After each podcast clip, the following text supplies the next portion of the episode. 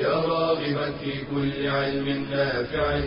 ينمو العلم ويتقدم.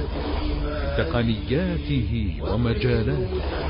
ومعه نطور أدواتنا في تقديم العلم الشرعي. أكاديمية زاد.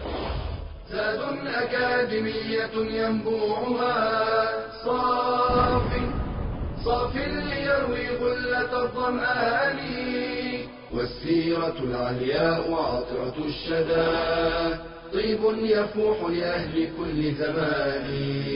بشرى لنا أكاديمية للعلم كالأزهار في البستان. بسم الله الرحمن الرحيم. الحمد لله رب العالمين. والصلاة والسلام على نبينا محمد وعلى آله وصحبه. ومن اهتدى بهديه واستنى بسنته إلى يوم الدين. أما بعد السلام عليكم ورحمة الله وبركاته. الإنسان تعتريه مشاعر مختلفة وهذه المشاعر هي من أدل الدلائل على إنسانيته وعلى فطرته وطبيعته البشرية. ومن هذه المشاعر مشاعر الفرح والسرور وما يتبع ذلك من شكر واعتراف وامتنان. والإنسان مأمور في مواضع بالفرح ومنهي في مواضع عن الفرح. فالمسلم منهي عن الفرح بالأمور التي تبعده عن الله عز وجل.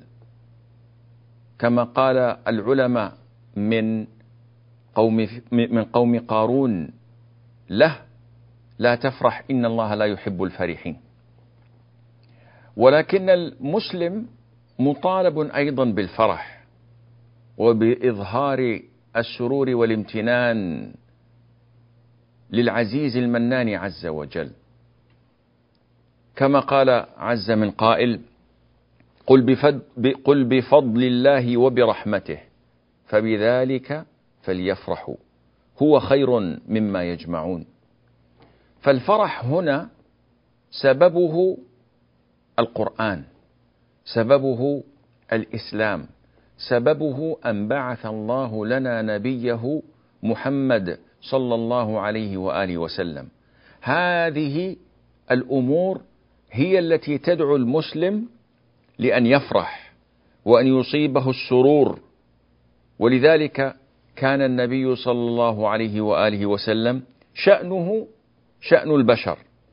كان يفرح وفرحه بالشرع أعظم الفرح. ومن أمثلة فرحه صلى الله عليه وآله وسلم أن فرحه كان منضبطا كان معتدلا وكان فيما يرضي الله عز وجل لا فيما يسخطه. فمن أمثلة فرحه صلى الله عليه وآله وسلم أنه كان يفرح عند سماع الكلام الجميل. كما جاء في السيرة أنه خطب الناس طالبا منهم المشورة. فأشار عليه المهاجرون ولم يكن يريد ذلك. إنما أراد سماع ما يقوله الأنصار لأن البيعة بينه وبين الأنصار أن يحموه وأن يدافعوا عنه ما دام في المدينة لا إذا أراد الخروج عنها. ويوم بدر عندما سمع النبي صلى الله عليه وآله وسلم بقافلة قريش ندب المسلمين من كان جاهزا منهم إلى الخروج. فعندما خرجوا فوجئوا بأن قريش أرسلت رجالها وعتادها في جيش. حجمه ثلاثة أضعاف حجم المسلمين. بالمقاييس الاعتيادية هذه يعني عملية انتحارية. أن تقاتل جيشا مدججا بالسلاح وبالأسلحة الثقيلة وأنت ليس معك إلا الأسلحة الخفيفة.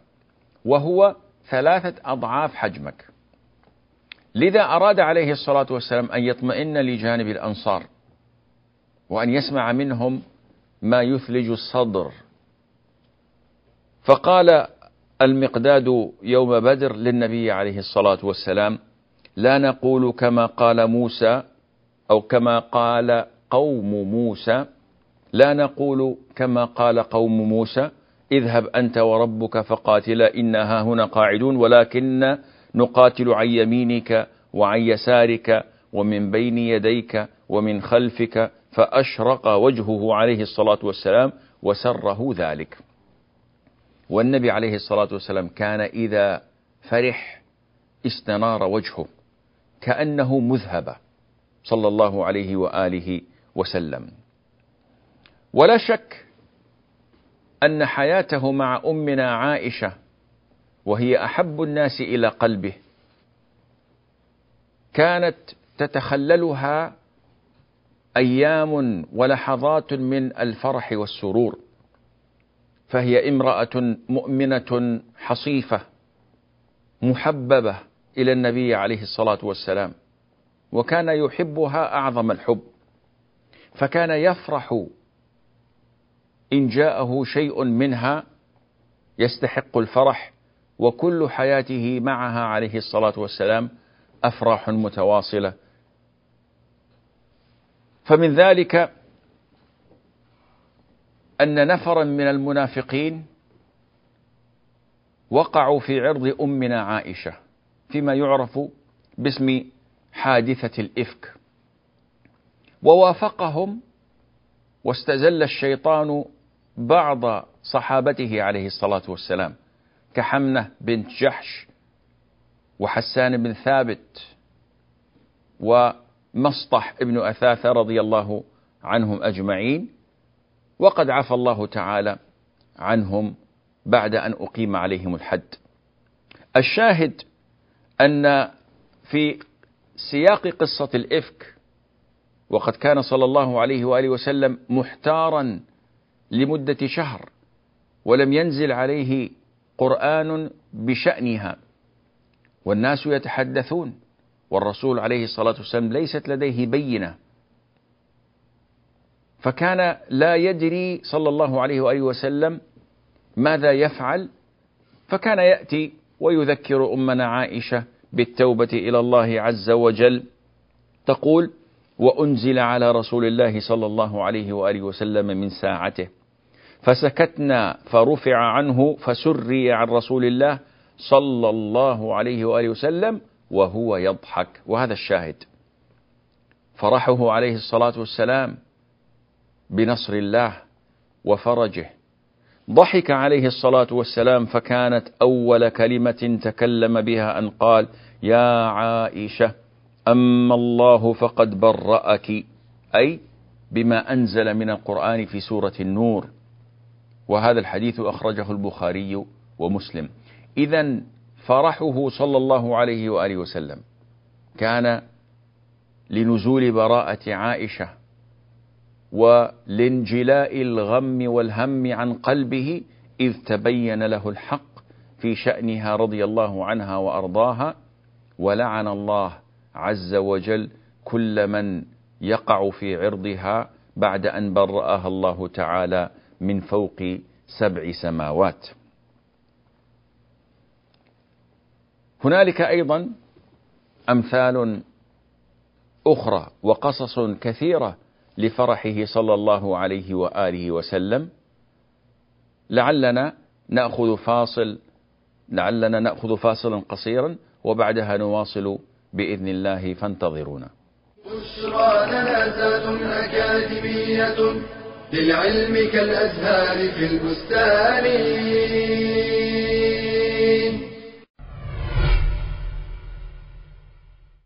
العلم نور يقذفه الله في قلب من يشاء وضياء يمحو ظلمات الجهل.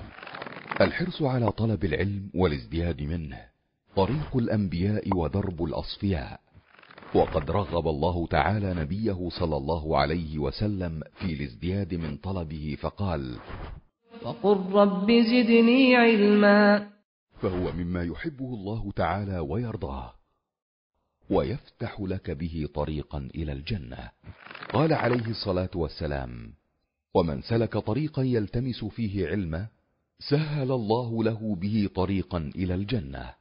فدراسة العلم تفيدك معرفه وأدبا ومهارة ووعيا تخدم به دينك وتؤهلك إلى مناصب ومواقع يعلو بها شأنك وتنفع بها أمتك بإذن الله وتكون بذلك من خير الناس. ففي الحديث خير الناس أنفعهم للناس ولتحرص دوما على أسباب التفوق ومنها حفظ الوقت وحسن اغتنامه فالوقت هو الحياة.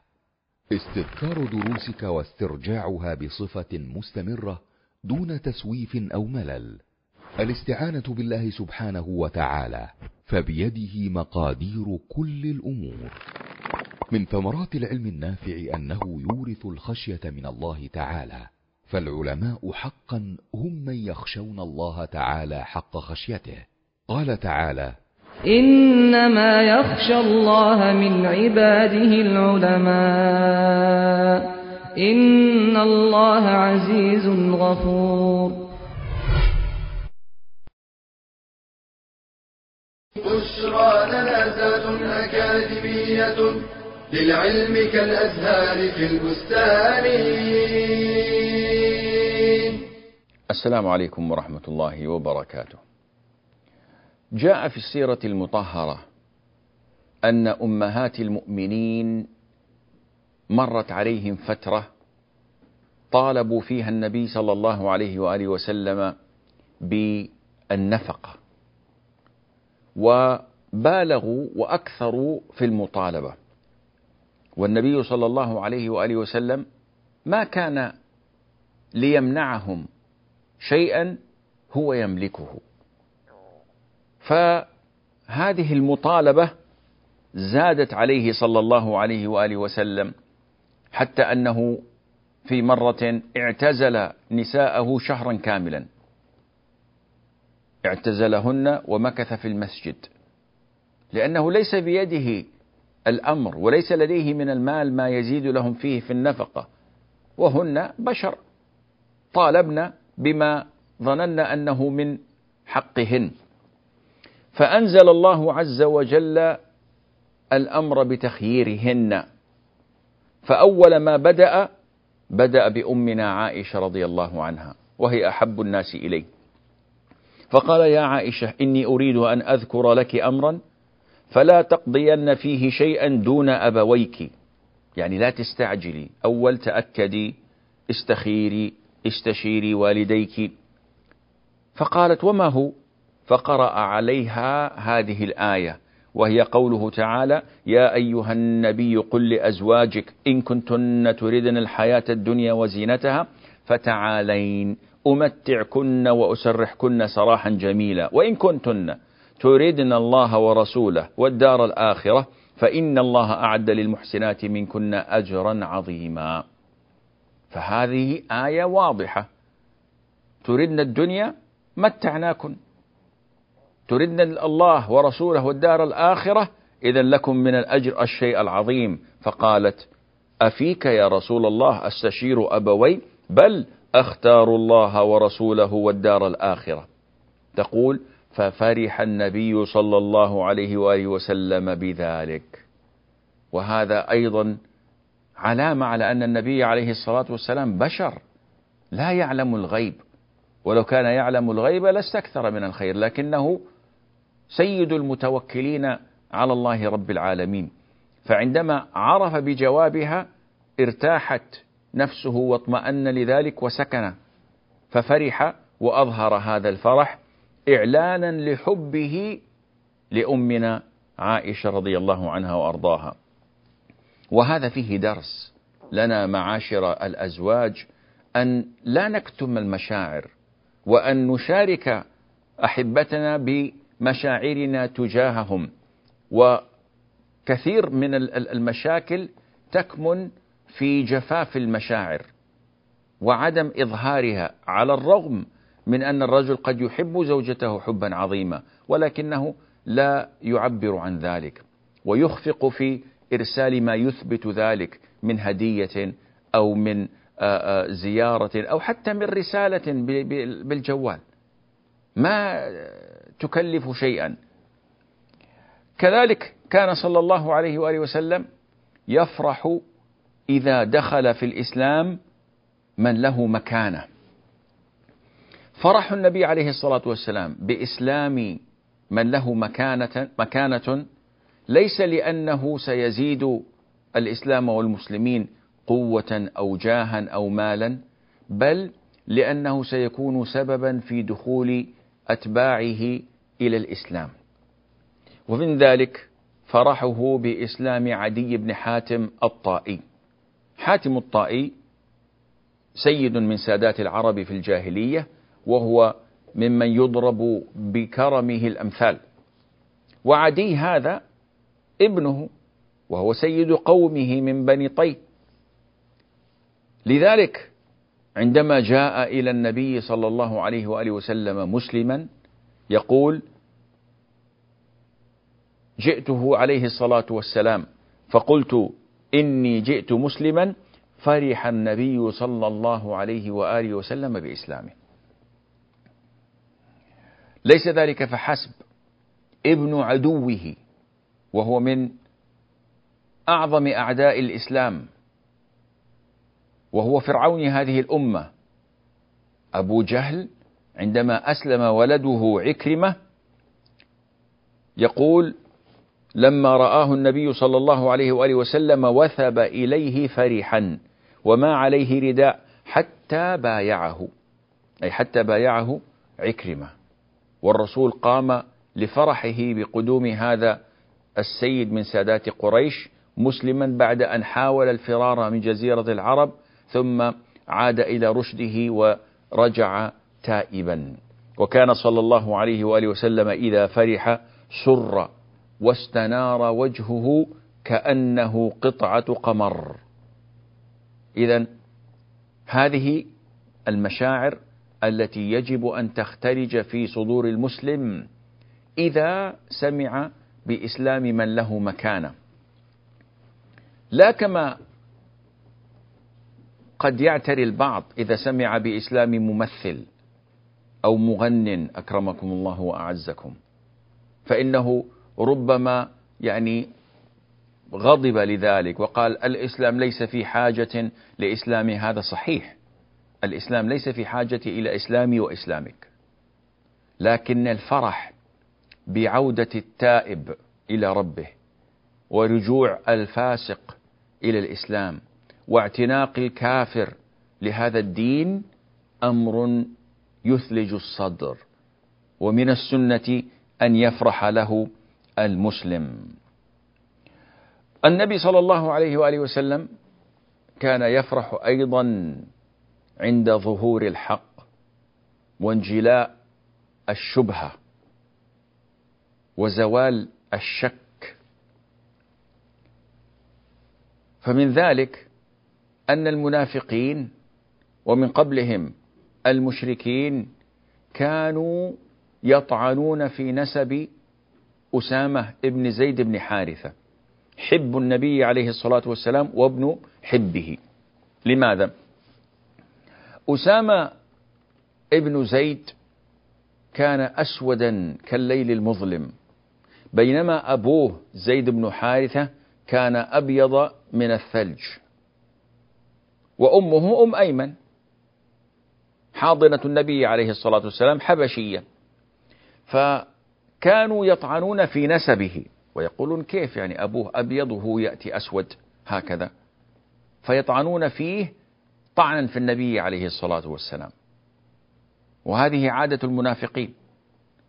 ما يستطيع أن يطعنوا في الرسول عليه الصلاة والسلام صراحة فيطعنوا في أم المؤمنين عائشة أو يطعنوا في أسامة رضي الله عنه وأرضاه. ليؤذوا النبي عليه الصلاة والسلام. تقول أمنا عائشة رضي الله عنها وأرضاها دخل علي رسول الله صلى الله عليه وآله وسلم ذات يوم وهو مسرور تبرق أسارير وجهه. فقال يا عائشة ألم تري أن مجززا المدلجي دخل علي؟ فرأى أسامة بن زيد وزيدا وعليهما قطيفة قد غطيا رؤوسهما وبدت أقدامهما. فقال إن هذه الأقدام بعضها من بعض. هذا مجزز هو من القافة يعني شغلته يقتفي الآثار قصاص يقص الأثر.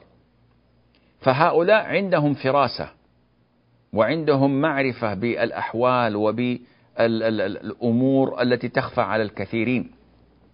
عندما دخل على النبي عليه الصلاة والسلام رأى أربعة أقدام. رأى قدمي أسامة وقدمي أبيه زيد.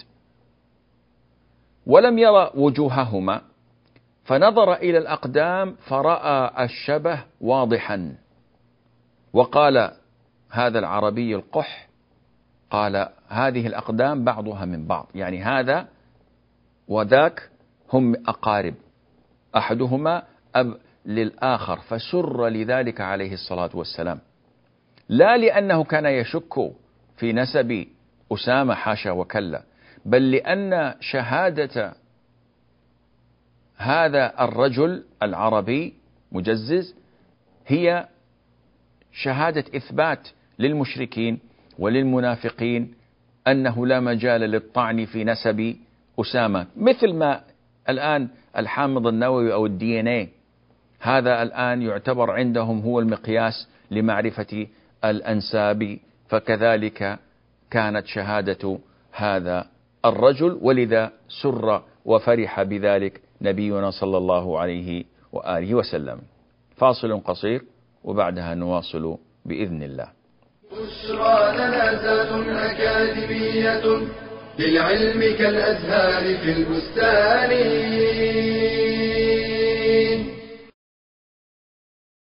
كلمات قصيرة تحمل بين طياتها تنبيها وتحذيرا خطيرا وتوجه حواسنا ومداركنا إلى دورنا الحقيقي الذي سنحاسب عليه. كلكم راع وكلكم مسؤول عن رعيته. فمن أهم أدوارنا الجديرة باهتمامنا في هذه الحياة التركيز على مسؤوليتنا تجاه رعيتنا. فالآباء والأمهات لهم الأثر الأعظم بعد الله في مستقبل الأبناء والأجيال. لذلك خصهم النبي صلى الله عليه وسلم بالذكر فقال والرجل راع في أهله وهو مسؤول عن رعيته والمرأة راعية في بيت زوجها ومسؤولة عن رعيتها. إن الأبناء زهرة الحياة وقرة أعين الآباء والأمهات وبصلاحهم ودعائهم ترفع الدرجات في الآخرة. ولكن يجب أن ندرك أن ذلك مرهون بحسن تربيتهم وصلاح نشأتهم.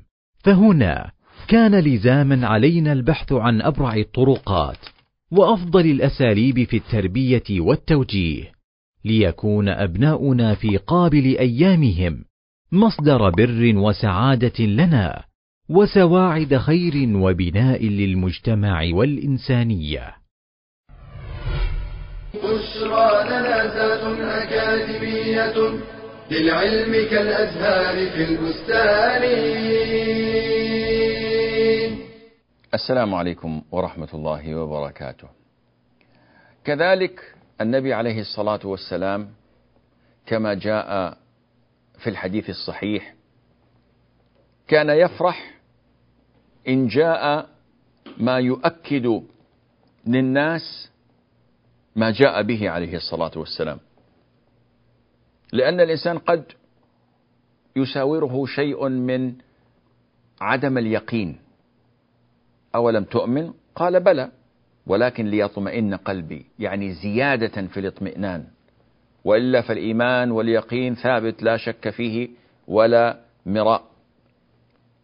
فمن ذلك ما أخبر النبي صلى الله عليه وآله وسلم أصحابه عن أمر الدجال وكيف أنه في جزيرة وكيف أنه مغلول بالسلاسل والأغلال وكيف أن ظهوره فيه من الفتن وكذا. يقول عليه الصلاة والسلام إن تميما الداري حدثني بحديث ففرحت فأحببت أن أحدثكم. هذا الحديث عن تميم رضي الله عنه وارضاه وكان من أواخر الصحابة إسلاما تأخر إسلامه إلى السنة التاسعة تقريبا. عندما جاء فأخبر النبي عليه الصلاة والسلام بما رآه في رحلته البحرية العجيبة وما رآه من أمر الجساسة ومن أمر الدجال والنبوءات التي قالها وافق ما أخبر به تميم ما قد أخبر عنه سابقا النبي عليه الصلاة والسلام. ففرح بذلك وأعاد على أصحابه ما أخبره به تميم مما كان قد أخبرهم هو عنه صلى الله عليه وآله وسلم. وكان صلى الله عليه وآله وسلم إذا فرح لأمر غير معتاد أظهر فرحه لا بالولائم الباذخة ولا بالرقص والأهازيج كما يفعل الجاهليون ولم يظهر فرحه بالبطر أو بأمور خارجة عن شرع الله عز وجل بل كان يظهر فرحه بالسجود شكرا لله سبحانه وتعالى.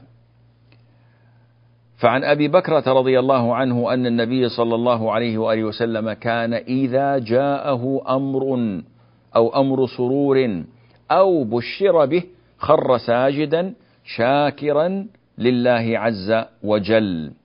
وسجود الشكر هذا ليس كما يظن البعض أنه على أي أمر يسجد الإنسان فربما سجد في اليوم عشرات المرات شكرا لله.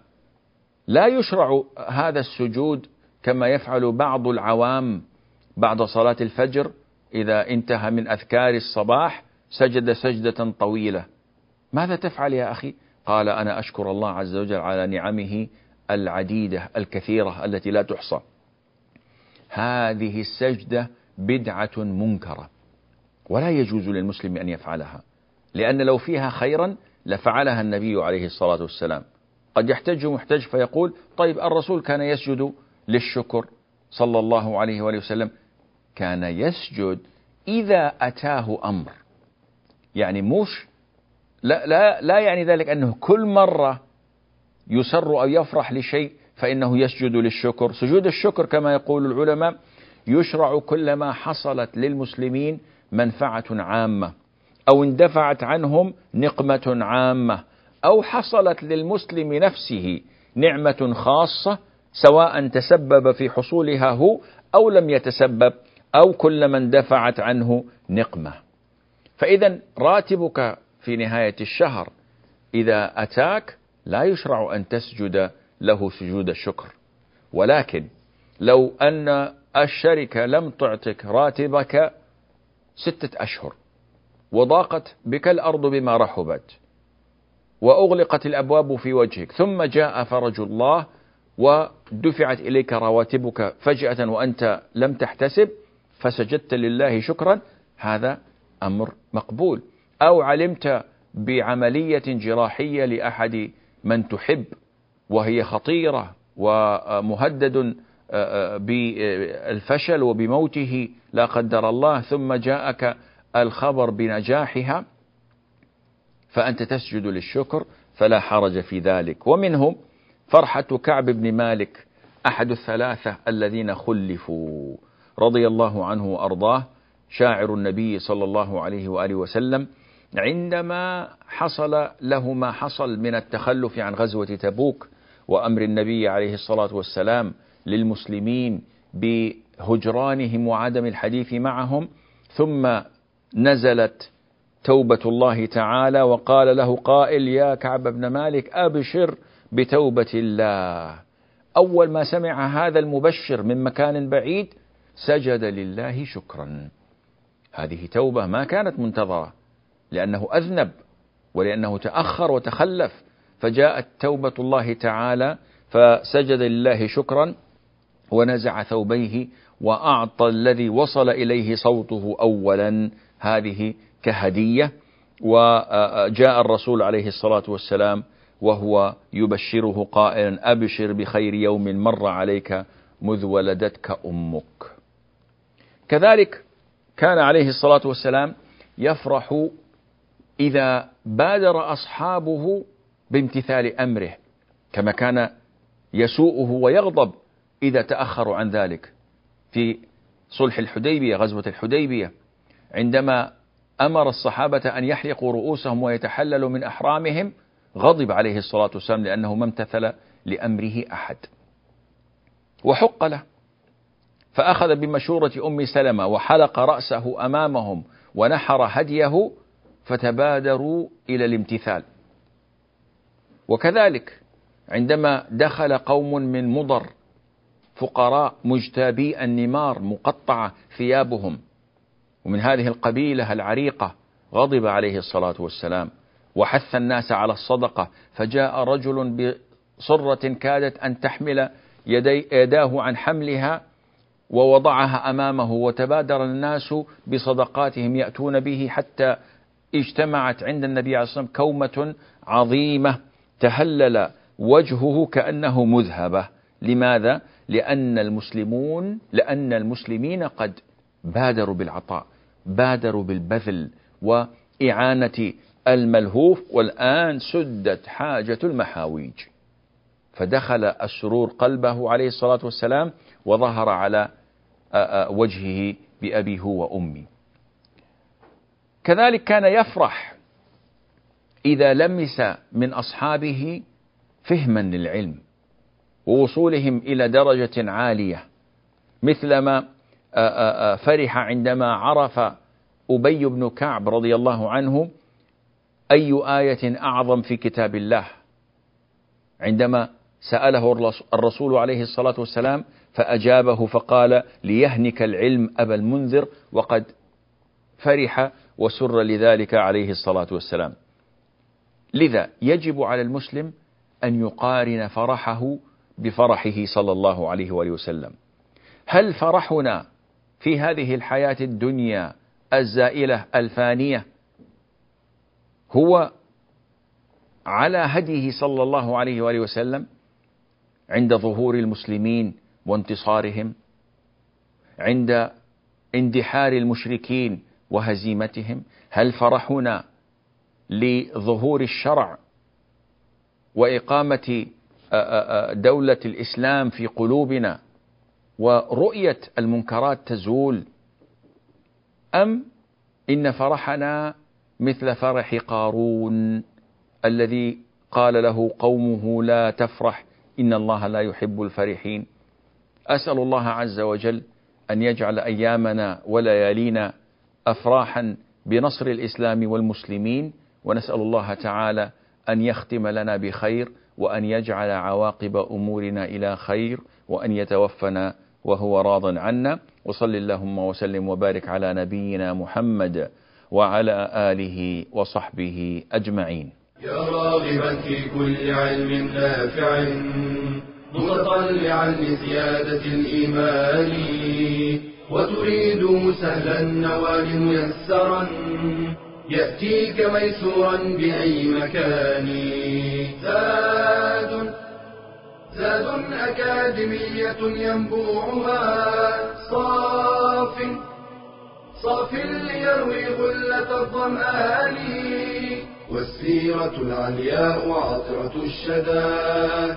طيب يفوح لأهل كل زمان.